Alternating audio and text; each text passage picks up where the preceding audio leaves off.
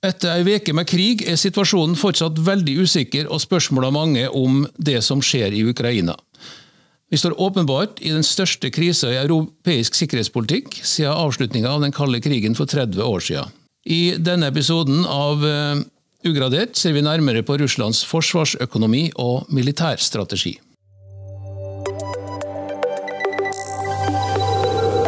Ugradert, en podkast fra Forsvarets forskningsinstitutt. Mitt navn er Lars Ornes.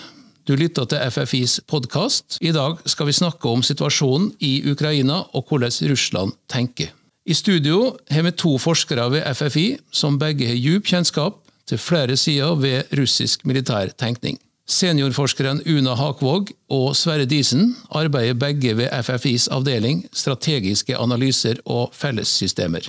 Hakvåg har studert Russland i mange år og snakker russisk, og har stor kunnskap om russisk sikkerhetspolitikk, forsvarsutvikling og innenrikspolitiske faktorer i landet, slik som økonomien.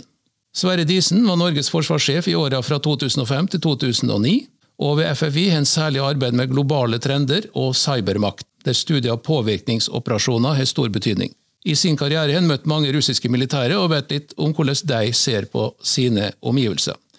Velkommen begge to. Og Første spørsmål går til det, Sverre Disen. Situasjonen i Ukraina. Hva er det vi med sikkerhet kan se, og hva er det vi med sikkerhet ikke kan se nå, den eh, første veka etter krigsutbruddet? Det vi kan si med sikkerhet, er at eh, Russland har mislyktes med det de ganske sikkert så som eh, hensikten eller målet i åpningsfasen, nemlig å eliminere det politiske lederskapet i, i Kiev og få kontroll over hovedstaden. Eh, så har de ønsket å få fysisk kontroll over begge de to østlige eh, provinsene, eh, som de har anerkjent som, som såkalte folkerepublikker. Og så har de også ønsket å ødelegge mest mulig av det ukrainske forsvaret, med tanke på å hindre det i å kunne opptre samlet i koordinerte motangrep mot de russiske styrkene. Og i all hovedsak så har de mislyktes med disse målsettingene.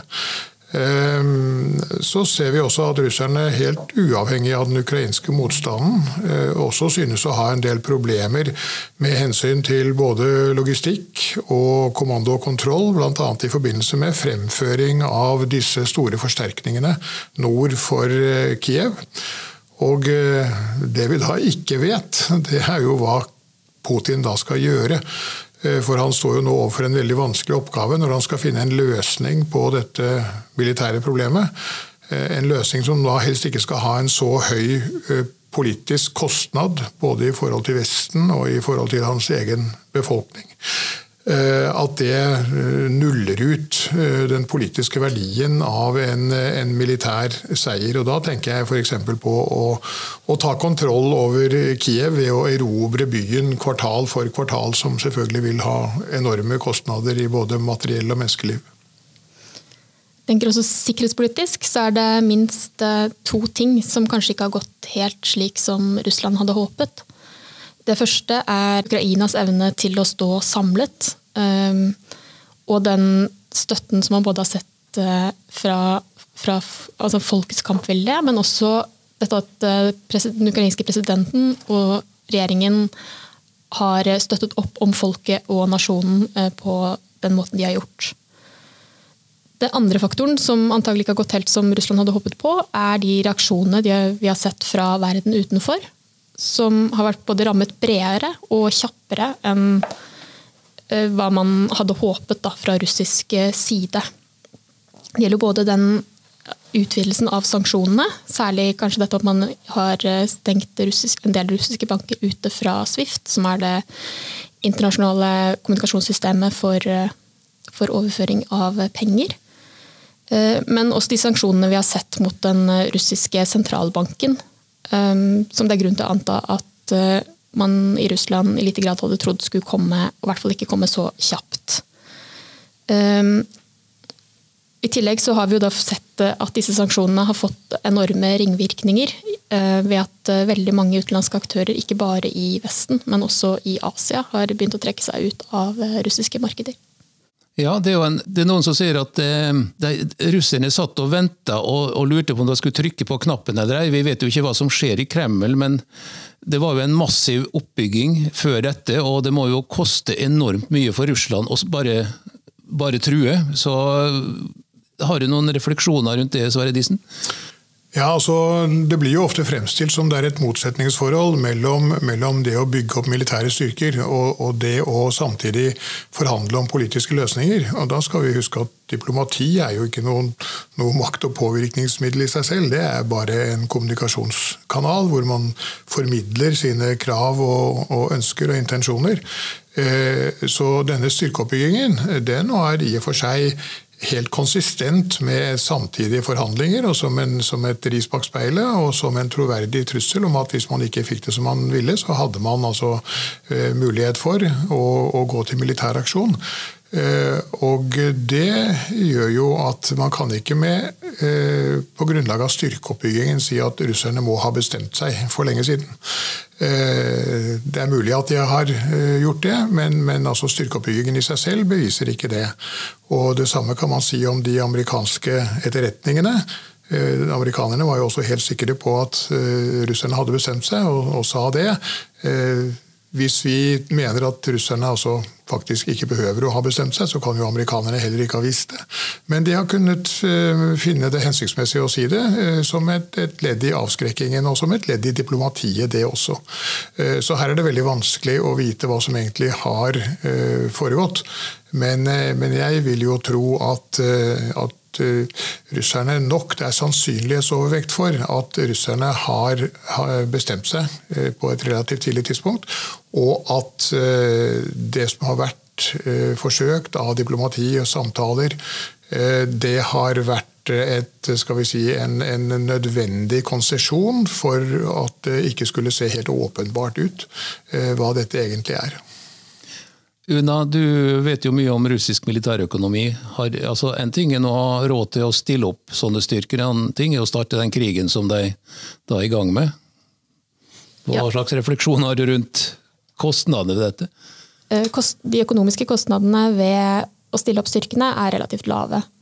Um, russiske soldater får uh, ikke noe særlig tillegg for å delta verken på øvelse eller i krig. Uh, så når man stiller opp store mengder hærstyrker, sånn som man, man, har gjort, så er det ikke noe stor, spesielt stor økonomisk kostnad for Russland, gitt størrelsen på forsvarsbudsjettet. Uh, men det er klart at de kostnadene som nå kommer i tillegg for Russland, i form av økonomiske sanksjoner, som jo rammer den russiske økonomien ganske hardt. Den russiske børsen stupte jo med 30% bare på torsdag og har vært stengt siden. De har varslet at den kommer til å være stengt ut uka. Men det er helt klart at før eller siden så må jo børsen åpne igjen, og da kommer, eh, kommer man til å se et kraftig børsfall.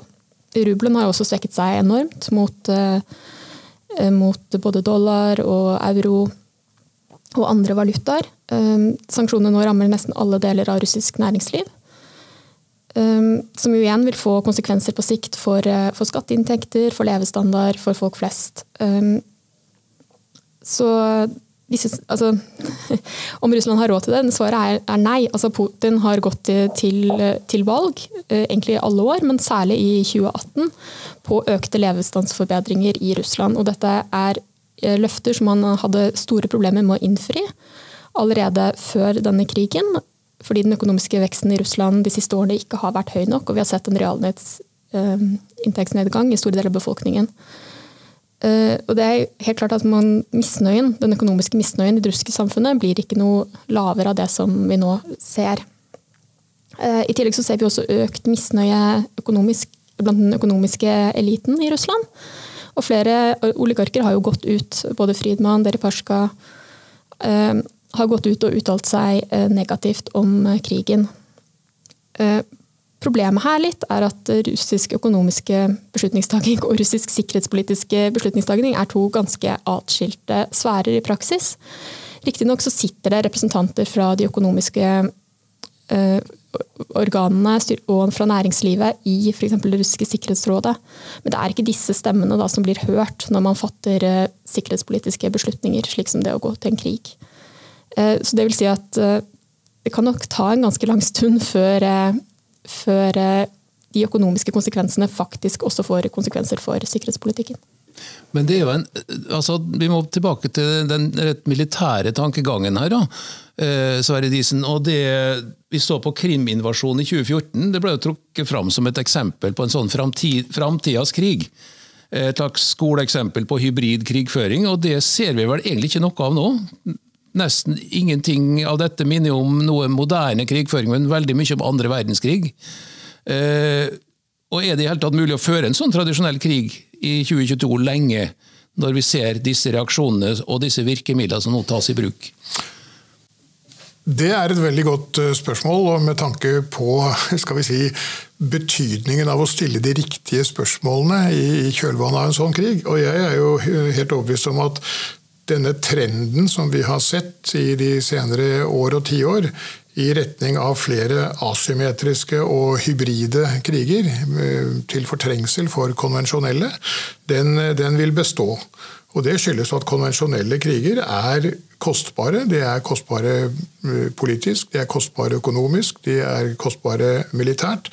Og de brukes jo egentlig eh, hovedsakelig bare der den ene part kan være helt sikker på en rask seier.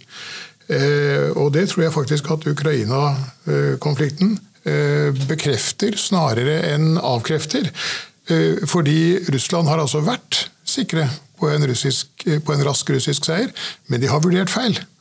Og det, den feilvurderingen og de konsekvensene den vil få, vil antagelig bidra til nettopp å styrke denne hybride og asymmetriske trenden. Nettopp fordi det altså da eh, kommer til å føre til at man får et, eh, si, et, behov for en enda større sikkerhetsmargin i retning av at altså, konvensjonell maktbruk det bruker man bare der man kan være helt overbevist om at eh, det kan avgjøres raskt og til egen fordel. Er det noe plan B, da? Så hvis vi var russisk hærfører, så måtte vi jo sitte og tenke at ai, ai, dette går ikke. Hva, hva er scenarioene nå, Una? Ja, altså Skrekkscenario er at vi får en ny Grosny-situasjon, altså en ny Tsjetsjenia 2-krig. Hvor eh, man ser at eh, det som de har prøvd å gjøre på bakken, eh, ikke fungerer, og faktisk går inn og, og bomber ned de store byene i Russland, tenker jeg. I Ukraina? Ja, ja unnskyld, i Ukraina. Det er, det er liksom litt sånn worst case-scenario. Ellers så foregår det jo akkurat nå eh, nye forhandlinger mellom, eh, mellom, Russland og Ukraina. Eh, man kan jo også se for seg at, selv om det kanskje ikke er sånn veldig sannsynlig, at man vil komme til en form for enighet, enighet der. Da. Hva kan den gå ut på, da? For eksempel? Det er jo veldig vanskelig å si. Hva Foreløpig så står jo partene veldig langt fra hverandre siden Russland har stilt dette kravet om, at, eh, om et regjeringsskifte, da, eh, antagelig.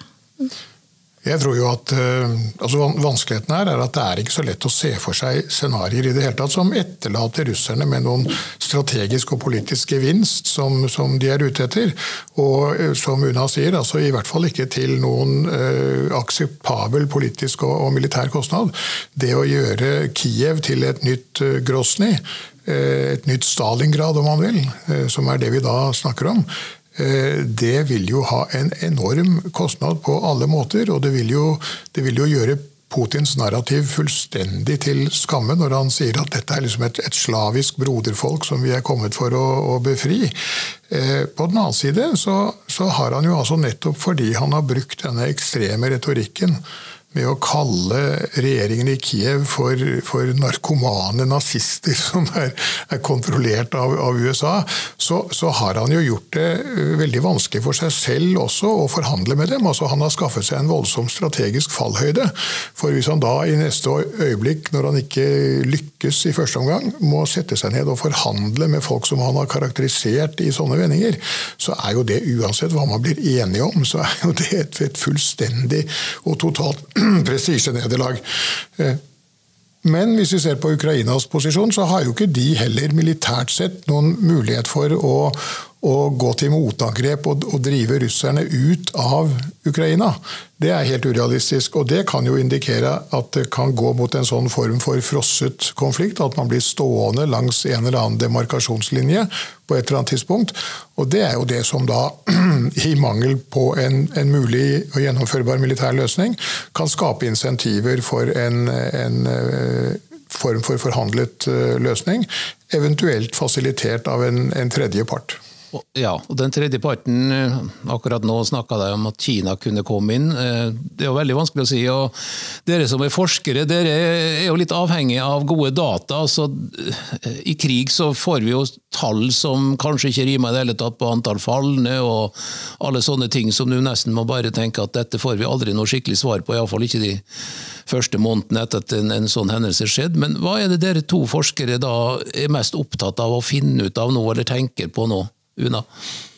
Nei, altså jeg tenker jo litt i eh, fortsettelsen av det Sverre snakket om i stad, at Putin lever ekstremt farlig nå på hjemmebane. Um, og jeg er absolutt interessert i og prøver å følge med på hva, hvilken informasjon som kommer ut til den russiske befolkningen. Um, og eh, spesielt da selvfølgelig informasjon som kommer ut om uh, antall falne soldater, men også antall drepte i sivilbefolkningen i Ukraina. Ehm, for vi vet ingenting om hva den reelle støtten til den operasjonen som nå foregår i den russiske befolkningen er. De meningsmålingene som, som er ute, er jo basert både på, man, altså på, den falske informasjonen om hva som faktisk skjer, som er spredd i russiske medier. I tillegg så har vi jo et situasjon hvor russiske befolkningen ikke har reell ytringsfrihet. Så være Vi vet ikke om de tør å svare det de faktisk mener. Eh, og dette er jo noe vi ikke vet, men dette er også noe jeg vil tro at eh, Putin og de som bestemmer i Russland, ikke vet. Fordi, nettopp fordi de meningsmålingene de baserer seg på, eh, ikke gir noe reelt bilde av situasjonen. Så dette er ting jeg, jeg definitivt er opptatt av å, å følge med på. På, på militær side så vil vi jo være interessert i etter hvert å finne ut mer om eh, både teknikk, taktikk, våpen. Eh, hvordan har de ulike våpensystemene som har vært i bruk, eh, fungert? Eh, hvor godt eller dårlig har eh, den russiske organisasjonen fungert med tanke på nettopp kommandokontroll, eh, logistikk, hvor dyktige har de russiske avdelingene vist seg å være? Eh, hvor godt har materiellet deres fungert osv. Alt dette er eh, informasjon som er veldig viktig når vi skal gjøre våre egne vurderinger av Russland, som vi selvfølgelig gjør. Og så må vi selvfølgelig også passe på å, å kvalifisere den informasjonen i forhold til akkurat dette at det er ikke all informasjon eller det er ikke alle forhold eh, i alle kriger som er slavisk overførbare til en hvilken som helst annen krig andre steder. Så, så da kommer altså denne, denne prosessen med å, å, sile den informasjonen og se hvor mye av den som er relevant for, for våre formål. Jeg lurer på en ting som gjelder informasjonen, og det er jo det som altså På Nato-siden, for å si det sånn, og for så vidt det som gjelder Ukraina, og den ukrainske presidenten, så har jeg vel enorm tilgang på etterretningsinformasjon akkurat nå. Altså alle, alle mikrofoner og alle ører og alle øyne er jo retta mot det som skjer der. slik at jeg regner med at vestlige militære vet til enhver tid nesten alt som foregår av forflytninger og operasjoner. Jeg tror nok at den etterretningstilgangen den var jo, som du sier, veldig god i, i dagene og timene før selve angrepet. Eh, det er nok fordi eh, man bestemte seg for å la etterretningen bli et slags våpen i, i informasjonskampanjen. Eh, det skal man nå alltid være litt forsiktig med, for det kan være et tveget sverd i forhold til å bevare etterretningens troverdighet. Eh, men, eh, men, jeg tror jo at vi vet nok ikke mer nå, altså det som foregår i, eh, på bakken, kamphandlingene. Der vil nok etterretningen igjen bli skal vi si, mer sparsomme ved det at det foreløpig ikke slipper ut mer enn det man er tjent med at offentligheten vet. Og så er det jo selvfølgelig også sånn at, at veldig mye av den informasjonen som kommer ut fra operasjonsområder i krig, den er notorisk gal. Altså, man kan nesten være helt sikker på at den første informasjonen man får om både hva som faktisk skjer, og om utstyret, hvordan det fungerer, om, om eh, andre forhold Veldig veldig ofte så viser den seg å være gal og farget av hvem som formidler den. Det er jo umulig, som, som vi sier her, at, å vite noe som helst. Det er godt i det vi snakka om dette er ei uke siden dette faktisk brøt ut. og Vi aner jo ikke hvor lenge dette vil vare. Men uh, Una, har du noen perspektiv på, på, videre utvikling utover det vi snakka om, scenarioer? Altså jeg frykter jo at dette blir en, eh, en langvarig eh, krig, om ikke, selv om man kanskje kan få en fredsavtale, så vil man jo fortsatt ha stor motstand i det ukrainske samfunnet. og Det er jo dette som er Russlands problem her nå. er at eh, Hvis man skulle lykkes med et regimeskifte og sette inn en russiskvennlig regjering, da, så vil den jo ikke ha noe støtte eller legitimitet i den ukrainske befolkningen. I tillegg så har jo ikke Russland lenger noe eh, frie økonomiske midler som de kan støtte dette regimet med. Um, som jo også vil være en stor, eh, stor utfordring. Ja, hvilket Russland er det vi sitter og ser på nå? Da? Er det en, en etter hvert såret kjempe? Er det et diktatur? Hva er det slags Russland som egentlig kriger? Det er jo en autoritær stat. Um, Russland er det i dag. Men det er samtidig en autoritær stat som, som har basert um, som, som, har basert eh, styret sitt på en, en slags avtale med folket om at de støtter opp om presidenten mot eh, en viss eh, levestandard. Eh, og denne avtalen er jo nå egentlig litt brutt fra regimets side, ved at man ikke lenger klarer å levere på levestandard. Var, man slet med dette før krigen, og man kommer ikke til å kunne klare det nå i årene som kommer fremover. Mest sannsynlig. Um, nå beror det litt selvfølgelig på hva Kina gjør i denne konflikten, hvor dårlig det går med russisk økonomi. Men men det er helt klart en utfordring der. og Da, da er jo spørsmålet vil, vil eh, befolkningen fortsette å støtte opp om, om eh, dette autoritære regimet. Samtidig så har du, du altså Vi har, ser jo tydelige tegn til at regimet er veldig veldig redd for, eh, for at dette ikke skal være tilfellet. Bare de siste dagene, nesten hver eneste dag, så er det nye, nye russiske medier for eksempel, som blir stengt. Og det store de få demonstrasjonene man har sett, der har man jo tatt inn nesten altså store deler av de som demonstrerer. Så det, regimet bruker veldig harde midler nå på å slå ned all informasjon som kan, kan skade dem. Ja, men du, du, kjenner jo eh, Russland har jo reist mye i landet. og sånn. Altså det, det, er jo ikke vanskelig å få tilgang på informasjon heller? Det er blitt eh, vanskeligere å få tilgang på informasjon. Um, Internett, eksempel, som var relativt fritt i Russland for bare noen få år siden, Eh, er nå under eh, ganske kraftig sensur. Eh, også nyhetssider f.eks. på internett. Man, prøver, man har stengt en del kontoer på Facebook og andre sosiale medier. Man straffeforfølger russiske enkeltpersoner for saker de legger ut i sosiale medier. Så informasjonstilgangen er blitt vanskeligere. Jeg har også hørt at man forsøker å skru ned tempo for på sosiale medier i Russland, slik at det skal bli vanskeligere å bruke internasjonale mediekilder for den russiske befolkningen. Samtidig så ser vi jo også at, eh, at informasjonen fortsetter selvfølgelig å flytte på seg. og det er, jo, det er, jo, også sånn at Store deler av den russiske befolkningen faktisk har venner, familie, bekjente i Ukraina. Um, sånn at um, det er helt klart at informasjonen informasjon fortsetter å komme ut. Men det er nok blitt, altså det er blitt vanskeligere, mindre tilgang på informasjon. Det som er, eh, det som er paradokset, er jo at Årsaken til at Putin er så redd for at Ukraina skal liksom gå vestover, det er jo i og for seg ikke at han er så opptatt av hva som skjer i Ukraina i og for seg, men det er altså den smittefaren, ideologisk og kulturelt, som, som et, et vestvendt Ukraina og politisk og økonomisk stabilt og vellykket representerer eh, overfor Russland. Eh, med andre ord, han, han frykter altså hva, et, eh, hva, det russiske folk vil kunne finne på dersom de altså ser eh, enda tydeligere at, at, den russiske samfunnsmodellen ikke kan levere det samme gode liv som, som den vestlige. Eh, hvis han altså da for å unngå det går til krig mot Ukraina, men ved å gjøre det påfører altså det, det russiske folk og, og, opinionen i Russland eh, så store belastninger at, at, de vender seg mot ham av den grunn. Så har, så har jo altså eh, middelet i realiteten eh, fremmet det han i utgangspunktet var redd for. Og det vil jo være et paradoks. Da har han altså fått en politisk og sosial uro i Russland helt uavhengig av hendelsene i Ukraina. Eh, rett og slett som en konsekvens av nettopp det han foretok seg for å unngå den utviklingen. Det er også interessant her, fordi altså Putin har jo de siste talene sine snakket veldig mye om historie.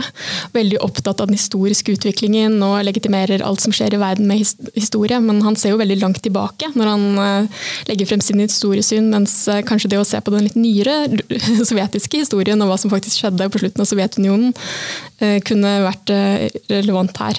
Det er jo nå, snakkes jo nå helt åpent i russiske medier om at, for eksempel, at landets økonomiske situasjon er tilsvarende den som den var i 1998. Altså da den russiske staten staten gikk konkurs.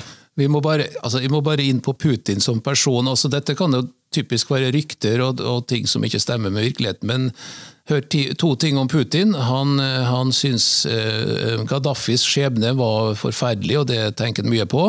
Og han liker ikke filmen 'Stalins død'. Eh, og du, Sverre Disen, har jo skrevet en kronikk der du, der du spør hvem er det som lurer i skyggene rett bak eh, Putins trone? Mm. Ja, det er jo alltid sånn i disse autoritære systemene. altså Én ting er at de, de kan ha uh, rimelig kontroll over, over, befolkningen ved hjelp av tilstrekkelig repressive metoder og, og midler, men, men, de er jo også omgitt av en elite, og selv om den er håndplukket og, og uh, på mange måter står regimet nær og skal være pålitelige, så vil de jo i slike systemer ofte være slik at det også blant dem er de som eh, venter på sjansen. Eh, det var det vi ofte kaller pretorianisme etter, etter forholdene i Romerriket. Pretorianergarden, som var nær keiseren, de kunne altså finne på å drepe ham og finne en ny, hvis de eh, fant det formålstjenlig. Og Spørsmålet er jo hvor eh, lenge eh, de menneskene og de mennene som Putin er avhengig av for å holde seg ved makten, hvor lenge de er interessert i å, å holde ham der. Og kan f.eks. da generalene, som selvfølgelig representerer den form, den institusjonen som har en reell uh, fysisk makt til å, å, fjerne Putin, hvis de skulle ønske det, hvor lenge vil de finne det formålstjenlig å, å støtte ham? Det er jo ikke bare um, altså Putin lener seg også veldig mye på de andre sikkerhetsstrukturene, de som ikke er Forsvaret. Innenriksstyrkene, inn, altså etterfølgerne til KGB og nåværende FSB. Um, og de har jo egentlig kanskje Putin tjent eh, ganske godt for at de har hatt mye makt eh, de årene, de årene han har sittet, da, og den har jo vært økende de siste årene. Det er i seg selv et veldig interessant utvikling, fordi eh, et land som Russland, og for så vidt tilsvarende stater, hvor, hvor nettopp altså makthaverne føler at de sitter utrygt, de har vært veldig påpasselige med det å, å så å si diversifisere sikkerhetsstrukturene. Lage altså eh, nye skal vi si, politikorps eller paramilitære eh, organisasjoner som, som eh, gjør at de altså, uansett hvem som, som eh, skal vi si, gjør mytteri, så er det andre de kan eh, stole på. F.eks. denne nye nasjonalgarden. Det er jo et interessant eh, trekk i det russiske bildet sånn sett. Eh, vi må snakke litt om Kina. Kan, kan Kina berge Putin? De kan jo berge ham eh, økonomisk på den måten at de kan i hvert fall i noen grad kompensere for effekten av sanksjonene. Men, men spørsmålet er jo hvor langt Kina er interessert i å, å gjøre det. Eh, Kina tror jeg vi kan si vil støtte Russland så langt det er i Kinas interesse å støtte Russland, men, men heller ikke lenger. Og eh, de er sikkert ikke interessert i å se Russland gå fullstendig konkurs. Men om de er villige til å plukke opp hele regningen for sanksjonene, det vet kanskje Una mer om. Jeg er helt enig med deg i din vurdering av Kina. Jeg tror, eh, jeg tror, absolutt at Kina bare er interessert i å, å støtte Russland i den grad de selv eh, ser seg tjent med det. Ja, eh, men altså hvor, hvor, hvor, langt kan den strikken strekke Det er vanskelig å si, men altså, kines, altså slik som vi leser i media nå, så er jo kineserne absolutt uinteressert i konflikter av denne, dette slaget, fordi det ødelegger jo selvfølgelig deres egen økonomi litt. At de det blir på en måte slått i hardcore med, med, Putin. Det er klart, og de, de, de tjener jo ikke på altså at, at, verdensøkonomien får et tilbakeslag som følge av, av disse krigshandlingene. Ehm, men eh, altså det å skulle hjelpe Russland økonomisk, det vil jo f.eks. kunne dreie seg om å eh, overta en del av den russiske gassen som de da ikke får avsetning for i Vest-Europa. På den annen side, det er jo ikke bare et spørsmål om, om økonomi, det er også et spørsmål om infrastruktur. altså de, Den infrastrukturen som da må til for at, at, russerne skal kunne skal vi si, selge vesentlig mer gass til Kina, den vil jo ta tid og i seg selv kreve store summer å få på plass. Så, så hvis kineserne altså i på kort sikt skal eh, hjelpe russerne her, så vil jo det måtte nærmest fortone seg som ren økonomisk eh, nødhjelp. Og uh, igjen, det er åpenbart at Kina ikke ønsker å se Russland fullstendig ydmyket eh, politisk eller, eller, slått konkurs økonomisk. Men det blir som du var inne på, det blir nesten spekulasjon da å prøve å si noe om hvor langt de er villige til å gå, eller hvor mye de er villige til å gjøre. Kina er jo Russlands viktigste handelspartner eh, som enkeltland, med en eh, rundt 30% av russisk utenrikshandel Nei, unnskyld, 13, 13% av russisk utenrikshandel i fjor var med, med Kina. Um, men EU er jo viktigere selvfølgelig for, eh, for russisk økonomi i stort. Um, samtidig kan man tenke seg for at Kina vil være interessert i at en større del av den internasjonale handelen foregår i yuan enn, enn i dollar. Um, sånn at uh, dette må hjelpe Russland um, i, med, i, forbindelse med utstengelsen fra, av de russiske bankene fra Swift-nettverket, kan jo absolutt være aktuelt. Uh, Kina har jo utviklet sitt eget alternativ til Swift, som man kan jo tenke seg at de gjerne ser at uh, Russland bruker i større grad, f.eks. I tillegg så er det jo en del av disse Nå har jo de vestlige sanksjonene gått på å ta beslag i Eh, i den russiske sentralbankens eh, midler i utlandet. Og de er jo spredd i ganske mange ulike valutaer og litt i gull. Eh, men en av de valutaene da, som, som, de er i, er jo i kinesiske yuan. Og det er jo en del av den Det og gull er vel omtrent de eneste nå-midlene som, som Russland fortsatt har. da. Og Det er jo interessant også med tanke på at altså, kineserne som en stor kreditornasjon de har jo lenge vært eh, veldig kritiske til dette at, at dollar har vært altså, fullstendig enerådende som, som oppgjørsvaluta og, og internasjonal eh, reservevaluta. Og eh, amerikanerne selvfølgelig tilsvarende interessert i at den fortsetter å være det. For det er jo det som tillater også amerikanerne å, å føre en, en skal vi si, eh, økonomisk politikk hvor de langt på vei altså lånefinansierer store deler av sitt eh, offentlige forbruk. Eh, men, eh, men, det vil åpenbart denne krisen kanskje fungere som en slags katalysator for. At, at det faktisk er tingene, en av de tingene som på sikt altså gjør det mulig å finne andre valutaer som kan ta opp konkurransen med dollar som, som internasjonal valuta. Det vil jo i, i, så fall være noe kineserne er interessert i. og og amerikanerne tilsvarende lite interessert i. Innledningsvis så snakka vi litt om eh, at, at, dette var jo en voldsom overraskelse, på en måte. og det er jo noe altså En ting er sånne ting som du snakka om der, at, vi, at, disse valutaene kan bli viktigere for russerne enn dollar. Men eh, det var jo en voldsom katalysator. på en måte. Det, som, altså det skjedde en total omveltning i vestlig tenkning. Altså, På én uke så er alt snudd nesten opp ned i forhold til hva vi har vært vant til siden den kalde krigen. Men det er ikke noen uvanlig konsekvens av store kriger og konflikter, eller av store begivenheter i det hele tatt. Vi kan jo bare begynne å tenke på hva denne pandemien har betydd i forhold til å akselerere bruken av, av f.eks. Altså digitalt og distribuert arbeid. Eh, vi hadde sikkert kommet til å bruke 10-20 år på det som nå har gått på, på ett eller to. Eh, og, og, tilsvarende andre tidligere kriger har altså betydd eh, at omveltninger som har ligget eh, latent, de har altså skal vi si, skutt fart eller, eller, akselerert som en direkte konsekvens av krigen. og Sånn sett er dette et, et eksempel også på det. Samtidig er det nok det en av de, de, tingene som Russland har undervurdert i denne, denne konflikten. For En av de fortellingene som Russland som er blitt reprodusert i Russland over lang lang tid, nett, særlig kanskje om EU, men om Europa generelt, er jo nettopp dette at vi er så splittet og vi har så store eh, byråkratiske prosesser og alle beslutninger tar lang tid. Så dette er noe man fra russisk side antagelig har regnet med at, eh, at nettopp ville ta tid da, å få på plass eh, i hvert fall andre typer sanksjoner enn det vi har hatt. Det er jo den, den ene av, av tre tre store feilvurderinger som Putin har gjort. Altså, han har undervurdert eh, det ukrainske forsvaret. Han har undervurdert Vestens evne til faktisk å stå samlet og, og gjøre sånn som Tyskland. altså 70 års konsekvent utenrikspolitisk eh, politikk går liksom ut av vinduet i løpet av en dag eller to. Eh, og han har selvfølgelig også undervurdert eh, motstanden, eller uviljen i hvert fall, i den russiske befolkningen. Eh, nettopp fordi han har festet større lit til det at ting skulle ta lengre tid, eller ikke la seg gjøre i det hele tatt. Eh, og så er jo Noe av Putins eh, problem er jo nettopp denne liksom, litt gammelrussiske forestillingen om at Vesten er dekadent. altså Vesten er en sivilisasjon i forfall.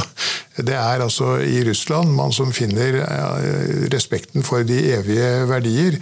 Og denne bruken av den ortodokse kirken osv. I, i liksom narrativet om det russiske eh, Det er klart at han, han eh, har jo man, man, man, skjønner liksom hva det er ved Vesten som, som gjør at man kan eh, fristes til å, å, å trekke den type slutning. Men, men han har åpenbart altså feilvurdert fullstendig eh, hvilken betydning det har. Vi må inn på det aspektet der, fordi er det én ting Ukraina har klart, så er det jo å vinne hva jeg skal si, folks hjerter og propagandakrigen, for så vidt. mens i Russland, så du er ellers er vant til at jeg greier jo litt av det der, så får jeg jo ikke til. Altså, å, å, å, mane fram eh, hva jeg skal si, den russiske middelalder er jo ikke akkurat eh, en vinnersak. Nei, det er jo ikke det, men, men jeg tror vi skal være klar over asymmetrien i motivasjonen her. For det er klart at for ukrainerne så er dette en eksistensiell krig. Dette er deres være eller ikke være som nasjon. Eh, etter at de altså har hatt noen år, eh, eller noen tiår, eh, hvor de har liksom kjent på friheten. Selv om Ukraina på mange måter jo er et ganske mangelfullt samfunn på, på mange måter, med korrupsjon og, og andre ting. Eh, mens for Russland så er jo ikke dette et eksistensielt spørsmål. Altså, dette er et, et, eh, for den alminnelige russer vil jeg tro nokså marginalt spørsmål, selv om Putin er veldig opptatt av dette og kommer med liksom utlegninger om, om, den historiske enheten mellom Russland og Ukraina. Eh, og denne asymmetrien i, i skal vi si, krigens rasjonale fra det eksistensielle på den ene siden til det mer marginale på den andre, har åpenbart en konsekvens for viljen til å stå i, i de prøvelsene som krigen fører til. Eh, det er jo nå sånn at Russland er blitt veldig avstengt på veldig kort tid fra resten av verden. Men kan vi forestille oss at dette må jo på en eller annen måte, altså dørene må åpnes igjen, ting må smuldre litt bort. Verden trenger jo fortsatt russisk gass og ukrainsk korn. Det er jo sånn som eh, Russland tenker, da. At vi, at vi i Vesten er veldig lite konsekvente. Så dette har jo vært liksom litt eh, russisk risiko, tror jeg, vurdering eh, hele tiden i deres krigføringer. Er jo nettopp dette at ja, det kommer nok noen reaksjoner, men de varer ikke så veldig lenge. Hvor lenge varer de? Jeg personlig tror nok at en del av de, for de økonomiske sanksjonene vi ser nå, de kommer til å vare lenge. Og så må det jo også sies at vi har jo ikke sluttet, altså Europa har jo ikke sluttet å kjøpe russisk gass. Men man, eh, de sanksjonene som, som, er nå, de rammer jo nettopp ikke den delen av sektoren. Eh, men det man ser, er jo at, eh, at prisen på gass, og for så vidt også på olje, har gått veldig i været den siste tiden. Og det henger nettopp sammen med at man ikke ønsker å bruke altså Man ønsker å kjøpe så lite av den russiske gassen som mulig. og Man ser også at det har vært en forskjell prisen, økende forskjell i prisen på på brentolje og uralolje, hvor uraloljen er blitt svekket. Da. Den russiske oljen er blitt svekket i pris sammenlignet med, med olje fra andre markeder. Så det er helt klart at um, Jeg tror nok at også det skiftet bort fra russisk energi kommer til å komme kraftigere og fortere enn en Russland kanskje så for seg. Ja, Det er jeg veldig enig i. Jeg tror altså at det, Dette er nettopp et sånt eksempel på at, at uh, altså vi er jo på vei bort fra fossil energi i det store og hele. Uh, men, men altså, dette kommer til å ha en konsekvens for på hvilken måte vi, vi så å si avvenner oss fossil energi. Vi kommer til å, å kvitte oss med den russiske oljen først, uh, og så med den andre. Men altså akkurat dette at sanksjonsregimet foreløpig ikke omfatter den russiske olje- og gassindustrien, er jo nettopp liksom, Deri ligger det ultimate eh, kortet fra Vestens side, selv om det også vil ha størst konsekvenser for oss. Men det var en økonom som, som beskrev dette i, i, jeg tror det var i Financial Times forleden dag, hvor han kalte altså det, det å la sanksjonsregimet komme til å omfatte også olje- og gassindustrien, det vil være sanksjonspolitikkens atomvåpen. Det vil ha veldig store konsekvenser for russiske statsfinanser, og, og implisitt også da for, for, den alminnelige russers økonomi. Men det, også, altså det, er jo et atomvåpen, nettopp fordi man kan ikke bruke det fordi det også vil ha så store, store konsekvenser for, for f.eks. befolkningen i Finland, Latvia, Tyskland, Italia. Mm. Eh, vi avslutta med et eh, egentlig interessant og litt sånn skummelt spørsmål. At eh, det kommer jo veldig mange vestlige våpen inn i Ukraina. og det er jo mulig at russerne vil si Nato er med på dette her? Ja, det det, er det jo for så vidt. Men, men altså, det var en kommentator som var ute forleden dag og sa at, at, det er farlig når vi utstyrer Ukraina med offensive våpen. Nå vil jo jeg si at Det er ikke noe som heter offensive våpen. altså Hvorvidt et våpen er offensivt eller defensivt, det er helt eh, kontekstuelt eh, avhengig. Og de våpnene vi snakker om eh, Det har jo vært mye snakk om disse panservernrakettene. Det er jo kortholdsvåpen. Det er våpen med en rekkevidde på 100-150 meter. Så noen trussel mot Russland eh, representerer jo ikke de. De representerer en betydelig trussel mot russiske styrker i Ukraina, men der stopper det. Så, så for Russland å fremstille det som om liksom nå nå er eh, Nato i ferd med å væpne Ukraina til å bli en, en, en, en russisk trussel. Eh, det, er, det, har ingen, eh, ingen troverdighet. Eh, men det er klart det kan, det kan, godt komme til å føre til at, at, forholdet mellom Russland og Nato blir altså enda dårligere. Og Det er jo noe av det som gjør at vi i Vesten bør altså tenke oss veldig nøye om hvorvidt vi nå skal fortsette med en sånn, hva skal vi si, en sånn appeasement-linje i forhold til Russland, og legge vekt på dialog og forståelse og alt det der, når vi vet at den, det russiske synet på Vesten er, som jeg sa, at er, altså vi er dekadente, vi er i oppløsning innenfra, vi er svake, og den russiske strategien har vært å, å prøve så godt de kan å destabilisere oss og undergrave oss, manipulere valg, eh, forfalske nyhetsbildet osv. osv. Eh, og spørsmålet er om vi altså i større grad skal, iallfall for en periode, akseptere at sånn er det, og at vi tenker altså rundt Russland på, mer på samme måte som de tenker rundt oss. Jeg tenker, et, et, spørsmål er jo de folkerettslige aspektene her, og det kan ikke jeg, noen ting om. Men, men en helt annet spørsmål er jo altså dette med disse russiske argumentene, om de vil eksistere uansett hva vi gjør eller ei.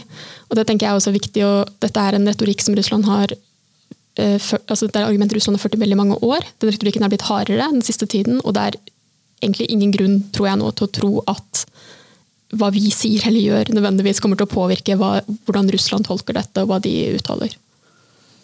Så har vi selvfølgelig et, helt ennåsvar, vi har et ansvar selvfølgelig for å, for å tenke godt igjennom hva slags politikk vi fører og hva slags konsekvenser det får. Hva, hva er det, eh, siste spørsmål. Hva er det, det, beste vi kan håpe på nå?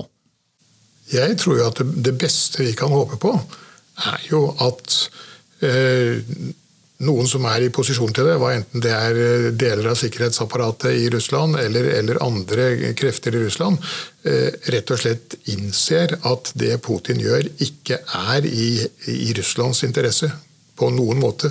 Altså det, det, det, skal man eh, streve for å kunne påvise at det er. Eh, uansett hvor mye man er liksom gammelrussisk nasjonalist og opptatt av uh, Ukraina i den forbindelse. Og Da tror jeg det beste som kan skje, er at uh, de som er i posisjon til det, rett og slett fjerner Putin. At regimet faller. Og at vi får noe annet som i hvert fall vanskelig kan være mer negativt enn det som er der. Una? Jeg er enig i det. Og så er jeg litt, litt redd for at det kan ta en tid. Vi slutta av der. Vi skal snakke mer om Ukraina og krigen eh, i flere podkaster framover. Eh, du kan også høre tidligere podkaster på ffi.no, der vi også legger ut mye stoff om denne konflikten. Takk til Sverre Disen og Una Hakvåg for en veldig interessant samtale.